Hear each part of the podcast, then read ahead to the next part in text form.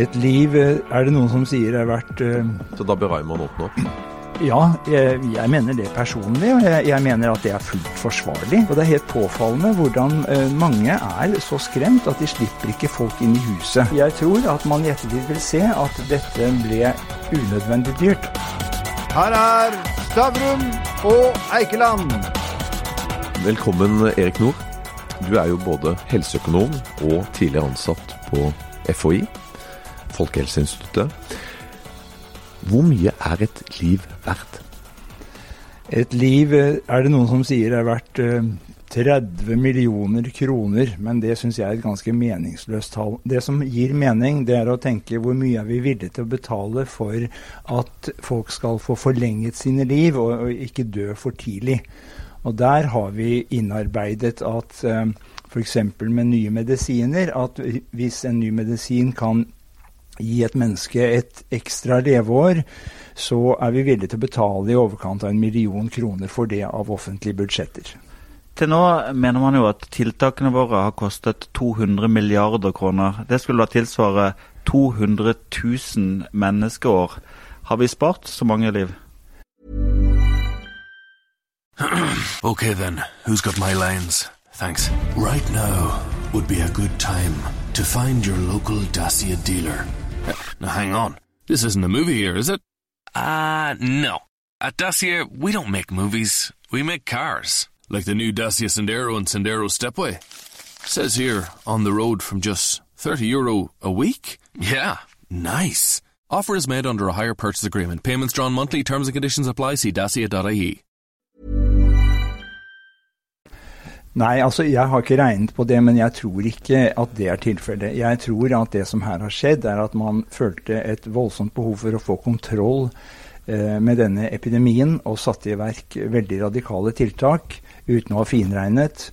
Og at eh, når man regner etterpå, så vil man finne ut at her har man betalt veldig mye for de sparte leveårene. Vi har 150 som har litt over 150 som har dødd av korona så langt. Eh, snittalderen er på 84 år, og veldig mange av de var jo relativt redusert fra før av. Eh, er det da galskap å fortsette dagens strenge lockdown-strategi, når vi vet at nå er det mange sliter økonomisk, du har eh, barn som er hjemme med foreldre som kanskje ikke alltid er like snille. Altså, vi har rekordstor arbeidsledighet. Er det verdt det? Nei, jeg tror ikke det. Men der er jo da det at de som dør, er gamle, det er et moment i saken som er litt vanskelig å snakke om. Eh, men det er et faktum at det er mange av de som, som da Hvis vi unngår at forhindrer at noen blir smittet på et sykehjem, så ville de kanskje ha dødd likevel i løpet av et halvt eller et år. Så det er klart at den gevinsten der, den, den er ikke veldig stor sammenlignet med hva vi ofte ellers oppnår når vi forlenger liv. Da snakker vi om én milliard. Men så, men så har du altså hele dette andre, at, vi, at våre egne liv er blitt så veldig begrenset sosialt. Eh, så jeg har jo nylig vært og sykler sykle rundt og hilse på venner, kommer på overraskelsesbesøk. Og den store styrken ved korona er jo at alle er hjemme. Så det er ingen Jeg, jeg kommer aldri til låst dør. Folk er jo hjemme. Og så er det noen da som slipper meg inn, og noen som ikke gjør det. Og det er helt påfallende hvordan eh, mange er så skremt at de slipper ikke folk inn i huset. Og da har de åpenbart begrenset sitt sosiale liv ganske sterkt. Og det betrakter jeg som et, et, et tap som selvfølgelig vil etter hvert føles tyngre og tyngre hvis dette skal vare ikke bare i fem uker som vi har hatt det nå, men i to år. Men har myndighetene sviktet? Altså Det er jo de som har kommet med alle disse her eh, tiltakene? Jeg vil ikke si de har sviktet, men jeg, jeg syns de har gjort noen vurderinger som ikke har vært eh, gode. Jeg forstår dem jo veldig godt. De har ikke hatt veldig god til å tenke seg om da det plutselig ble dramatisk. Så jeg har veldig stor respekt for eh, hva de har, besluttsomheten, og for, for eh, mye av det de har satt i verk. Og, og de har stått på døgnet rundt. Det er ikke det. Men det er altså noen vurderinger som jeg ikke deler. Jeg, eh, jeg syns at f.eks. For et totalt forbud mot at folk skal bruke hyttene sine, det var meningsløst. når man kunne nyansere. Og nå er det etter min mening et behov for å si, snu litt på budskapet. Og ikke si 'hold dere hjemme, unngå kontakt', men heller vise folk hvordan de kan ha kontakt med andre under trygge former, slik at de gjenvinner sitt normale liv. For der ligger det store tap. Altså, du er jo både økonom og statsviter, eh, og har vært opptatt av etikk også. Eh, tror du det er mulig for en norsk helsebyråkrat å stå hver dag og forsvare dødstall på 100 personer om dagen? Altså, Sverige dør det nesten like mange hver dag som til nå har dødd til nå i, i Norge. Det, hadde det vært mulig å gjøre i Norge? Det er ikke lett å se for seg. Og det er ja, Anders Tegnell i Sverige, måten han står der som en, en, en støtte eh, i, i, stormen, det er, det er helt uh, utrolig. Uh, så, så, så det er vel en del av forklaringen på at vi har fått den politikken vi har fått, at ikke, politikere ikke har følt at de kunne stå og si at de dødsfallene må vi bare ta det har de synes vært veldig vanskelig å si. Men, men, til nå så har jo det da kostet eh, hvis det, La oss si at er, eh, de som har dødd, hadde i gjennomsnitt hatt ett år igjen. Da har det kosta over 1 milliard kroner per liv til nå. Ja, jeg, eh, som sagt, jeg har ikke gjort regnestykket, så jeg skal ikke gå god for det tallet du kommer med der. Men det er altså et veldig høyt tall. Og, og, og, og jeg, jeg, tror at man i ettertid vil se at dette ble unødvendig dyrt. Og det, det har igjen å gjøre med en, en, en, det var jo i NRKs debatten uh, senest i går, så ble det jo pekt på at det kan jo tenkes at de alminnelige smitteverntiltakene hadde, er den viktigste grunnen til den utflatingen vi nå har sett. Men hvis man tenker seg litt om, så er det ganske plausibelt at de alminnelige smitteverntiltakene de må bety veldig mye. Hvis man begynner å tenke gjennom de situasjonene hvor man vanligvis kan smitte, og så ser på hvordan håndterer vi nå de situasjonene, så er forskjellen så stor at man må tro at dette betyr mye. Bare til igjen til den, til den norske væremåten. Nylig så var det altså en, en, politisk rådgiver som ville ha med seg noen venner til Nesodden for å drikke utepils. Altså en fullt lovlig aktivitet. Og så ble det nærmest et nasjonalt ramaskrik. Hva er grunnen til at vi finner oss i regler som egentlig ikke har noe smitteverneffekt overhodet? Ja, altså Skjenkeforbudet i Oslo eh, har jo for så vidt en god begrunnelse. Det er ingen tvil om at eh, når folk eh, er på utesteder og drikker alkohol, så slutter de å følge de alminnelige smittevernrådene. Sånn at jeg, jeg forstår godt at Raymond Johansen og co. fant ut at her må vi gjøre noen ting. Jeg er uenig personlig i at de skulle stenge annet enn de, eh, eller stanse serveringen annet enn de stedene som faktisk overtrådte reglene.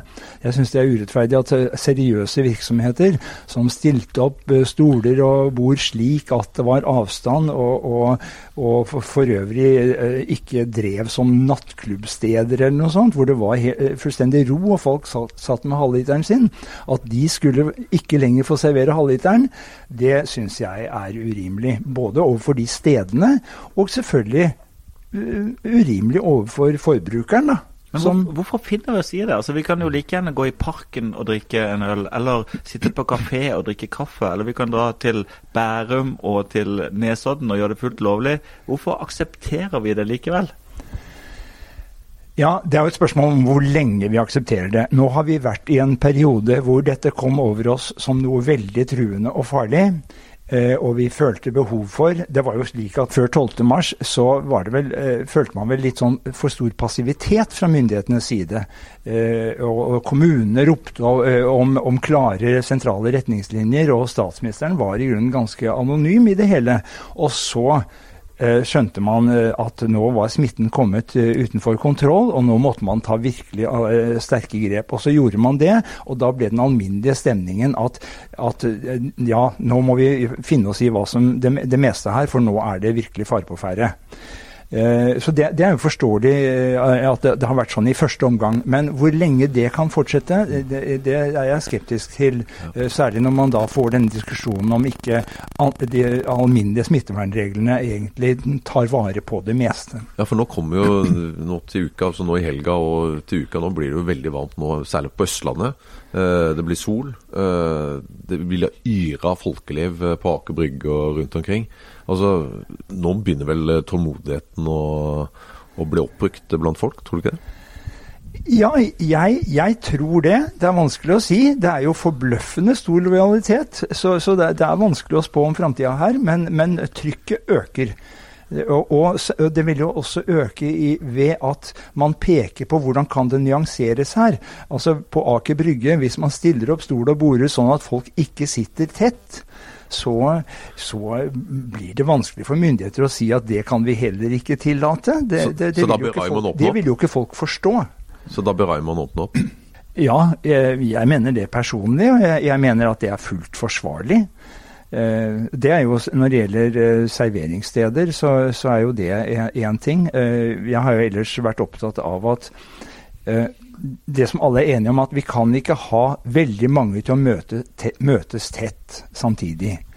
Eh, så du har jo et virkemiddel som består, et mulig virkemiddel som består i alternering, eller det som i, i, i, i hytte- og leilighetssammenheng kalles timesharing, hvor ikke alle kan komme samtidig, fordi at noen kan bare komme mandager, og andre kan bare komme tirsdager, og tredje kan bare komme onsdager ut ifra f.eks. hvilket eh, tall du har først i fødselsdatoen din, eller et eller annet sånt.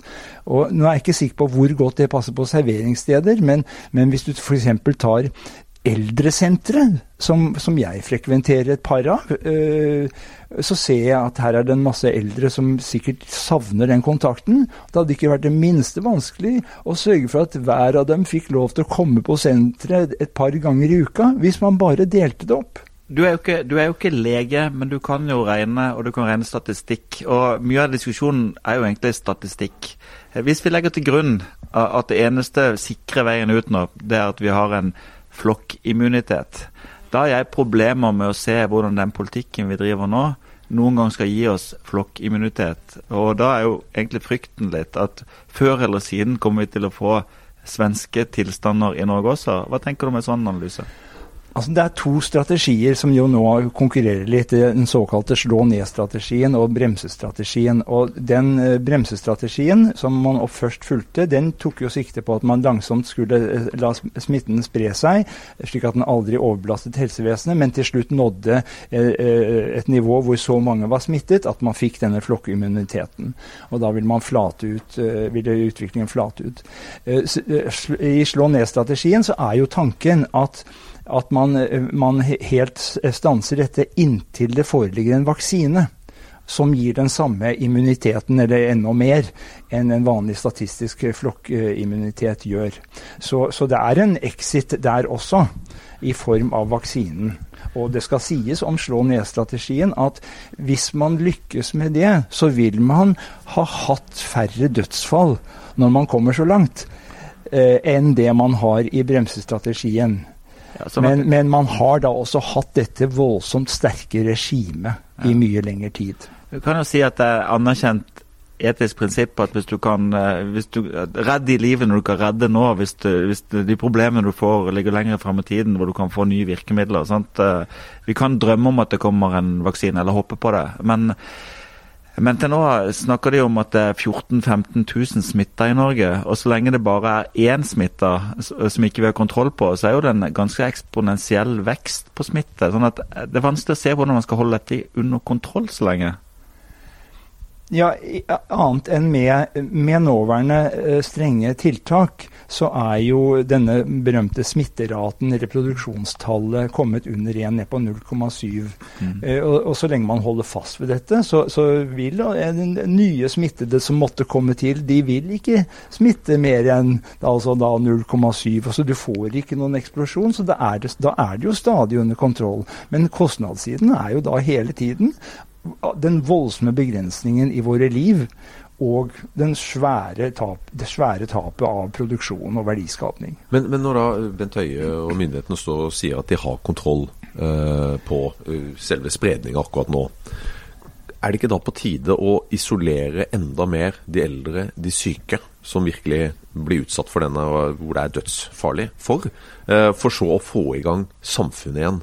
Altså Få i gang restaurantene, få på plass utepilsen, få på plass at vi går i butikk og begynner å kjøpe klær igjen.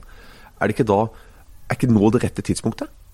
Jo, eh, det høres ut som en, et veldig en, et alternativ som er, er, helt riktig. Og senest i går så sa jo eh, Anders Teknel eh, på, på TV at, om Sverige at det ulykksalige der, som han, som han syntes var veldig negativt, det var at smitten til de grader hadde sluppet inn på sykehjem.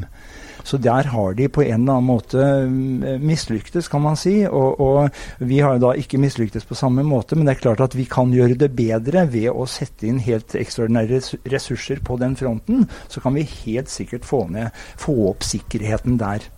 Så det er veldig forenlig med å slippe opp uh, for øvrig. Men som samfunnsviter um, så er det jo interessant å se hva er fundamentet for at man tror at det er 14 000 smitta i Norge. Vi har jo ikke, et, så vidt jeg vet, lagd noen rando, altså noen tilfeldige eh, analyser som faktisk har slått det fast. Så det kan være et veldig stort eh, mørketall på hvor mange smitta det er. Det har jeg faktisk regnet litt på selv. Og uh, fremgangsmåten der er at du, du, du, vet om et antall tilfeller som har testet positivt blant, blant, de som inngår i det systematiske testprogrammet. Det er jo bare noen få prioriterte grupper, uh, som er altså uh, pasienter som er aktuelle for innleggelse. Det er helsepersonell, det er en del av de som allerede er innlagt. Alt sammen er personer som har symptomer på luftveisinfeksjon, og så blir de testet. Og Der har det vist seg at eh, av de som da testes, så, så har man ca. i størrelsesorden 5% av dem får, har en positiv prøve, er altså smittet. Eh, så er det altså da eh, veldig mange andre som har luftveisinfeksjon, eh, men som ikke inngår i disse prioriterte gruppene. Eh, for de er ikke pasienter eller helsepersonell eller noe sånt. Så de blir ikke testet. Men man må gå ut fra at blant dem så forekommer også smitten. Og hvis man, hvis man gjør en antagelse om at hyppigheten av smitte blant dem er i nærheten av den samme som de man har funnet blant de som er prioritert, så har man et anslag for antall smittede blant folk som har luftveisinfeksjoner i Norge for øvrig, og det har man statistikk på. Altså Det er noe sånn som eh, en, en, voksen har én til to eh, forkjølelsesepisoder i løpet av et år. Og hvis vi snakker om fire millioner mennesker eh, som er over 18 år, eller noe sånt, så kan du regne ut hvor mange forkjølelsestilfeller det er der ute, og hvor mange smittede du, du kan anta finnes blant dem. Og så har du en tredje kategori. Det er de som i grunnen ikke har noe særlig symptomer, som det har vært mye snakk om. Det er jo veldig mange, eh, 80% sier de vel nå, som har eh, milde eller nesten ikke merkbare symptomer av, av korona. Eh, så, eh, og, og, der har de etter hvert anslått at de, at de som da verken vil være registrert som forkjøla på annen måte, eller være i prioriterte grupper, de kan kanskje dreie seg om en 30-40 av eh, alle smittede. Og Da har du til sammen fått tre elementer som gjør at du kan bygge, uh, summere og få et anslag f.eks. på 14 000 smittede totalt sett. Jeg, jeg har gjort noen av de samme regneøvelsene. Vi har, har lagd noen galluper hos oss hvor vi spør folk om de har luftveissykdommer. Og Ut fra det så har har jeg kom fram til at et, et, eller annet sted mellom 20 og 30 000 smitta i Norge kan være riktig. Men om det er 15 000 eller 30 000, så, det, så vet vi om 7000. Men det betyr jo på en måte at det da er eh, 10 000-15 000 smitta der ute som ikke vi vet hvem er. Så ja. hvordan har man da kontroll over dette? Nei, man har ikke kontroll på annen måte enn at man statistisk vet at hver av dem forventes nå bare å smitte mindre enn én person slik at, dette, at veksten vil ikke bli stor. Og ikke, ikke større enn at helsevesenet kan håndtere det. Og Det er du trygg på? Ja, det er jeg trygg på. Altså Utviklingen når det gjelder antall nye tilfeller, har vært veldig betryggende. Og antall innleggelser nå per dag, det går jo sakte, men sikkert ned. Så det er, vel, det er vel mer sånn at man kanskje har man har nesten oppnådd mer enn man tok sikte på. For det opprinnelige målet for, uh, var nok å få ned denne, dette smittetallet, uh, altså antallet personer som én uh, person smitter, fra antatt omkring 2,5 hvis man ikke gjorde noe særlig, til ned, til ned mot 1,3, kanskje litt under det. Så har man kommet helt ned i 0,7. Og det der kan man si at da, da, har faktisk dette vært for strengt. For dette så, så, langt ned var det ikke nødvendig å komme. Og kostnaden er veldig høy på økonomi- og, og livskvalitetssiden for folk flest. Men, men, du sa du hadde sett litt på hvor mange som uh, du tror av den norske befolkninga som har hatt og har uh, korona. Uh, hvilke tall har du kommet frem til det? Nei, altså, Da, Folkehelseinstituttet gikk ut for en, en, ti dager siden med et anslag på 14 000 smittede, så, så på det tidspunkt trodde jeg at det kanskje var mer 30 000-40 000. Men det viste seg at det har vært uklarhet om hvor mange av de som er smittet, som har symptomer. For Det første anslaget fra, som kom basert på tall fra Kina, så vidt jeg forstår, var eh, at det er bare en tredjedel av de smittede som har symptomer. To tredjedeler har ikke symptomer. Så det hadde jeg lagt til grunn i mitt regnestykke, men, men det tallet er nok feil. Det er nok heller sånn at eh, bare en 30-40% er uten symptomer. Og da blir regnestykket litt annet. Du eh, gir jo en, en eh, daglig nesten oppmuntring, nemlig Koronaposten, hvor du deler dine, dine synspunkter. Og du eh, skriver i en av de at eh, du mener at, at både myndighetene og mediene underrapporterer positive ting. Altså faktisk oppmuntrende ting. Hva er det du ser som det mest oppmuntrende? Det oppmuntrende er jo egentlig mulighetene når man tenker over hvor liten risikoen er for mange typer samvær. Altså I øyeblikket er det sånn at eh, når vi sitter her nå, så er det eh, en, kanskje en tusendels sjanse for at eh, en av oss er smittet. Eller for, for, hver enkelt av oss er det kanskje en tusendels sjanse. Du, det er du som hoster og sykler rundt? Ja, ja, jeg kremter bestandig. Min kone klager over at jeg alltid kremter. Så det, det, har ikke noe med korona å gjøre. Men når jeg da sitter og snakker med deg på, på, her på 2,5 meters avstand, så er jo risikoen Hvis jeg var smittet, så er jo risikoen for at den, den, smitten ville komme over til deg, den er fryktelig liten. Det er jo ikke for ingenting at myndighetene sier 'hold to meters avstand'. Det er jo fordi de mener at hvis du holder to meters avstand, så er i grunnen smittefaren ja, den er ikke noe å snakke om i det hele tatt. Så hvis jeg da tar og, og multipliserer sammen uh, sjansen for at du overhodet er smittet, med sjansen for at det skulle komme smitte mellom oss hvis du var smittet, så kommer jeg ned i en fryktelig liten sannsynlighet. Det er enklere å vinne i Lotto? det er det. Og, og, hvis jeg i tillegg skulle multiplisere med hvis vi, La oss nå si at jeg var smittet, og det skjedde en smitte til deg. Det var kanskje en, en, Sjansen er én på 100 000.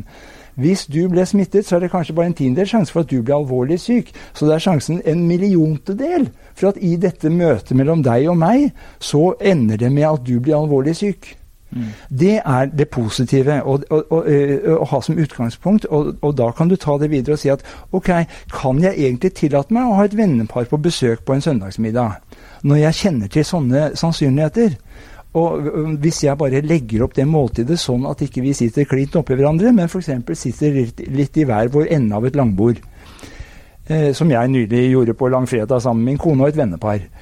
Og, og da, da, da, da, innser man jo at ja, det der er nok veldig trygt og veldig hyggelig. Og det er jo det positive i situasjonen, og det syns jeg myndighetene burde gjøre mye mer for å peke på. I denne bedriften, i Nettavisen, blant våre ansatte, så er det jo eh, et veldig sprik av vurderinger av dette. De aller fleste er jo dønn lei av å ha hjemmekontor eh, med barn rundt seg hele tiden. Men det er noen få som er veldig engstelige. Altså, har vi skapt en overdrevet frykt hos noen mennesker for hvor farlig dette er for dem? Ja, jeg vet ikke om det egentlig er, er, spesielt skapt nå. fordi at Hvis vi tenker tilbake da hiv kom, mm. eh, så, eh, så, var det jo eh, det, det, det, man fort skjønte, var at det, sånn, det usynlige gjør at man blir veldig redd vi tar jo daglig eh, sjanser i livet når vi setter oss på sykkelen i trafikken osv. eller kjører ned fjellsiden på ski. Så tar vi jo sjanser, og så føler vi at vi har kontroll. Men dette usynlige det gjør at vi føler at vi ikke har kontroll i det hele tatt, og da blir vi veldig engstelige. Og, og da, på, på, en, måte så er det mange som da er helt uimottakelige for statistikk og sannsynlighetsregning, som jeg nå gjorde, eh, det, av den typen jeg nå la fram. Det, det, det spiller ingen rolle. De bare er redde for dette usynlige, som kan i verste fall ta livet av dem. Eh, men, men, eh, men, det er klart at jo myndighetene kan jobbe med å få ned den frykten. Da må de snakke til folk, og de gjør det jo seinest altså nå i forbindelse med barnehageoppstarten så er jo myndighetene opptatt av å fortelle nå må dere legge frykten til side og stole på fagfolkene. Vi, og, og, og vi er trygge på at dette går bra, sier myndighetene. Og Jeg går ut fra at jo mer det blir sagt, jo så er det noen som hører på det og legger sin frykt til side. Så myndighetenes kommunikasjon her er veldig viktig. Men politikerne de har jo lagt, eh, sånn som vi har forstått eh, fagfolkenes eh, litt sånn mening og, og sånt noe til side. Du har jo jobbet i Folkehelseinstituttet. Og alle disse drastiske tiltakene som, som, er satt i gang. Det er vel mange der som mener at uh, det ikke er riktig? At man kanskje burde ha fulgt Sverige i større grad? Det vet ikke jeg. Jeg er jo pensjonert, da. Eh, og, og, snakker jo ikke på vegne av Folkeinstituttet. Og har ikke, ikke, daglig kontakt med dem. Eh, jeg har ikke egentlig fryktelig lite kontakt. Så det eneste I, går så vi jo på Debatten eh, i NRK at, at Bjørn Grinde, som er, er en biolog og virus, virusekspert, han, han, mente jo tydelig at antakelig så ville de alminnelige smittevernrådene eh, eh, kanskje vært tilstrekkelig for å oppnå det, det, man gjerne ville oppnå. Tåler vi debatt om dette, eller er det sånn at vi, at vi alle må gå helt i takt? Jeg bare så Ta hytteforbudet. Altså det, sånn, det, var egentlig bare to posisjoner. Enten så var du en ansvarlig person som tenkte på liv og sikkerhet, eller så var du en egoistisk hyttefolkperson. Ja. Eh, det var liksom ikke noen mellomsituasjon. Fra Oslo vest. Hva kommer det av? ja, nei, det skjer jo mye i kommentarspalten osv. Som, eh, som viser at det er en del folk der ute som er eh, nokså uryddige og firkanta i huene sine. Jeg tåler Jeg tror at i de, i de aviser og NRK og, og TV og radio osv så, så, tåler vi i høyeste grad debatt. Eh, det er ikke noen fare med det. Eh, jeg syns at eh, kanskje politikerne har Altså helseministeren og kanskje statsministeren, de har, de har blitt litt stae i, i sporet sitt.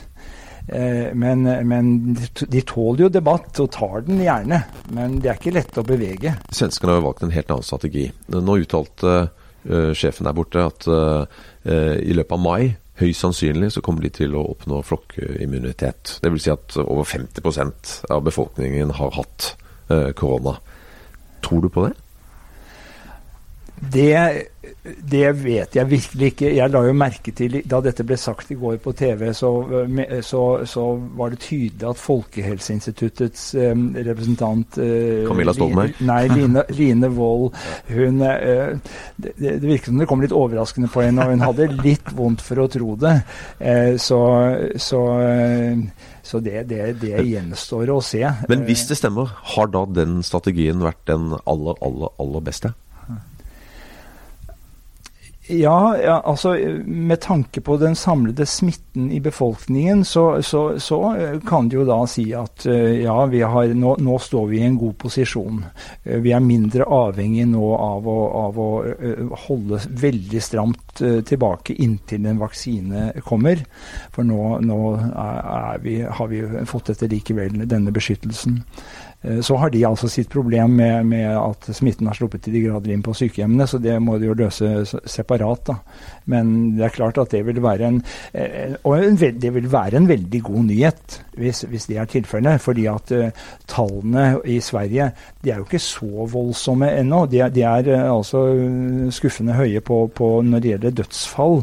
Men når det gjelder antall smittede, så, så det har jo gått uh, såpass rolig at Tegnell kunne jo i går berette om 20% ledig kapasitet på intensivavdelingene. Så de, de, de, har virkelig nådd det målet at helsevesenets kapasitet må ikke overskrides. Det interessante på det punktet er jo det at uh, i Norge så dør det rundt 41 000 mennesker i året. Det er rundt 120 om dagen. 110, tror jeg. 110, ok. Det, det, dør like mange hver dag av naturlige årsaker uh, som det til nå har dødd av korona, more or less, ikke så langt unna. Hva er grunnen til at vi blir så ekstremt opptatt av hver eneste nye dødsfall av korona? Ja, nei, det, det, er, det, er, litt irrasjonelt. Det er naturlig at vi får uh, tallet, at det er en del av statistikken, men, men uh, det er, er blåst Det må jo sies å være blåst opp. Uh, og der er jo en interessant sammenligning er jo den til, til um, hvor mange liv er det som uh, hvert år dør av influensa, som det har vært pekt på. Hvor det ligger på sånn rundt 900 000, eller 1000 uh, i løpet av en influensasesong. Så det vi nå opplever, er jo lite i forhold til det. Og det, det, har, det, har, på en måte kommet i bakgrunnen av irrasjonelle grunner. Så må man legge til at hvis vi ikke hadde hatt et strenge regime, så er jo spørsmålet hvor mange dødsfall hadde vi da hatt? Eh, det ville jo vært et, eh, selvfølgelig et helt annet tall. Men det er ikke sikkert, altså, som jeg nå har for så vidt antydet, at det, det, tallet hadde vært så fryktelig mye høyere hvis vi hadde hatt gjennomført disse alminnelige smittevern eh, eh, Fulgt de alminnelige smittevernrådene, og ikke nødvendigvis hatt denne nedstengningen. Så kan det hende at vi fortsatt ikke hadde vært noe høyere enn en influensasesong. Så, så nå må dette koronahysteriet stoppe? Ja, altså hysteriet er vi ikke tjent med. Eh, og, og, altså det, det, må vi bare si ja til. Vi må vekk fra koronahysteri. Nå, nå må vi prøve å, bli, eh, å, å, tenke oss om, og ikke minst være nyanserte i det vi holder på med. I forbindelse med barnehageoppstarten som skjer til mandag, så er det ny, så er det bekymring. Personalet er usikre på om de klarer å håndtere dette at alle ungene kommer samtidig. Uh, og der eh, syns jo jeg at hvorfor, man, hvorfor, skal man absolutt starte alt på en gang? Hvorfor kunne man ikke ha alternering der? Uh, og si at ok, nå skal halvparten av barna få komme på mandag, den andre halvparten på tirsdag, så den første halvparten på onsdag osv. Og da, da oppnår man to ting. Det ene er at dette blir jo mye lettere for personalet å håndtere, selvfølgelig, gitt romsituasjonen osv. Og, så og det andre er at de foreldrene som nå i fem uker mer og mer har begynt å gå på veggene de vil jo, For dem er det stor forskjell på å måtte ha barna hjemme hele dagen hver dag, og det å bare ha dem annenhver dag. Det er jo en verden av forskjell. Eh, la oss tenke oss at du var eh, foreldre som hadde barn som skulle i barnehagen på mandag nå. Ville du sendt barnet ditt i barnehagen? Ja. Hvis du hadde hatt en, eh, et barn som eh, var ansatt i barnehagen, ville du bedt vedkommende gå på jobb? Eh, ja, for vi snakker vel da om en ung person. Eh, hva med skolen, har du samme vurdering der? Første til fjerde klasse? Eh, ja. Eh, hvis jeg nå hadde invitert deg på en utepils på Nesodden, og du hadde tid, hadde du gjort det? Ja, jeg var på Sjøflyhavna kro på Snarøya i går, og var avbildet i Dagsrevyen. Det var da på onsdag.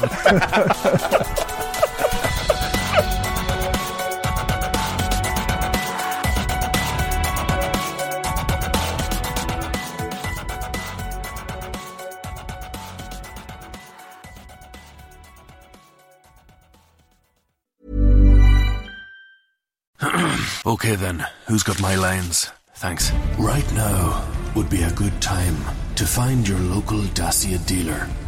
Now hang on, this isn't a movie here, is it? Uh, no. At Dacia, we don't make movies, we make cars. Like the new Dacia Sandero and Sandero Stepway.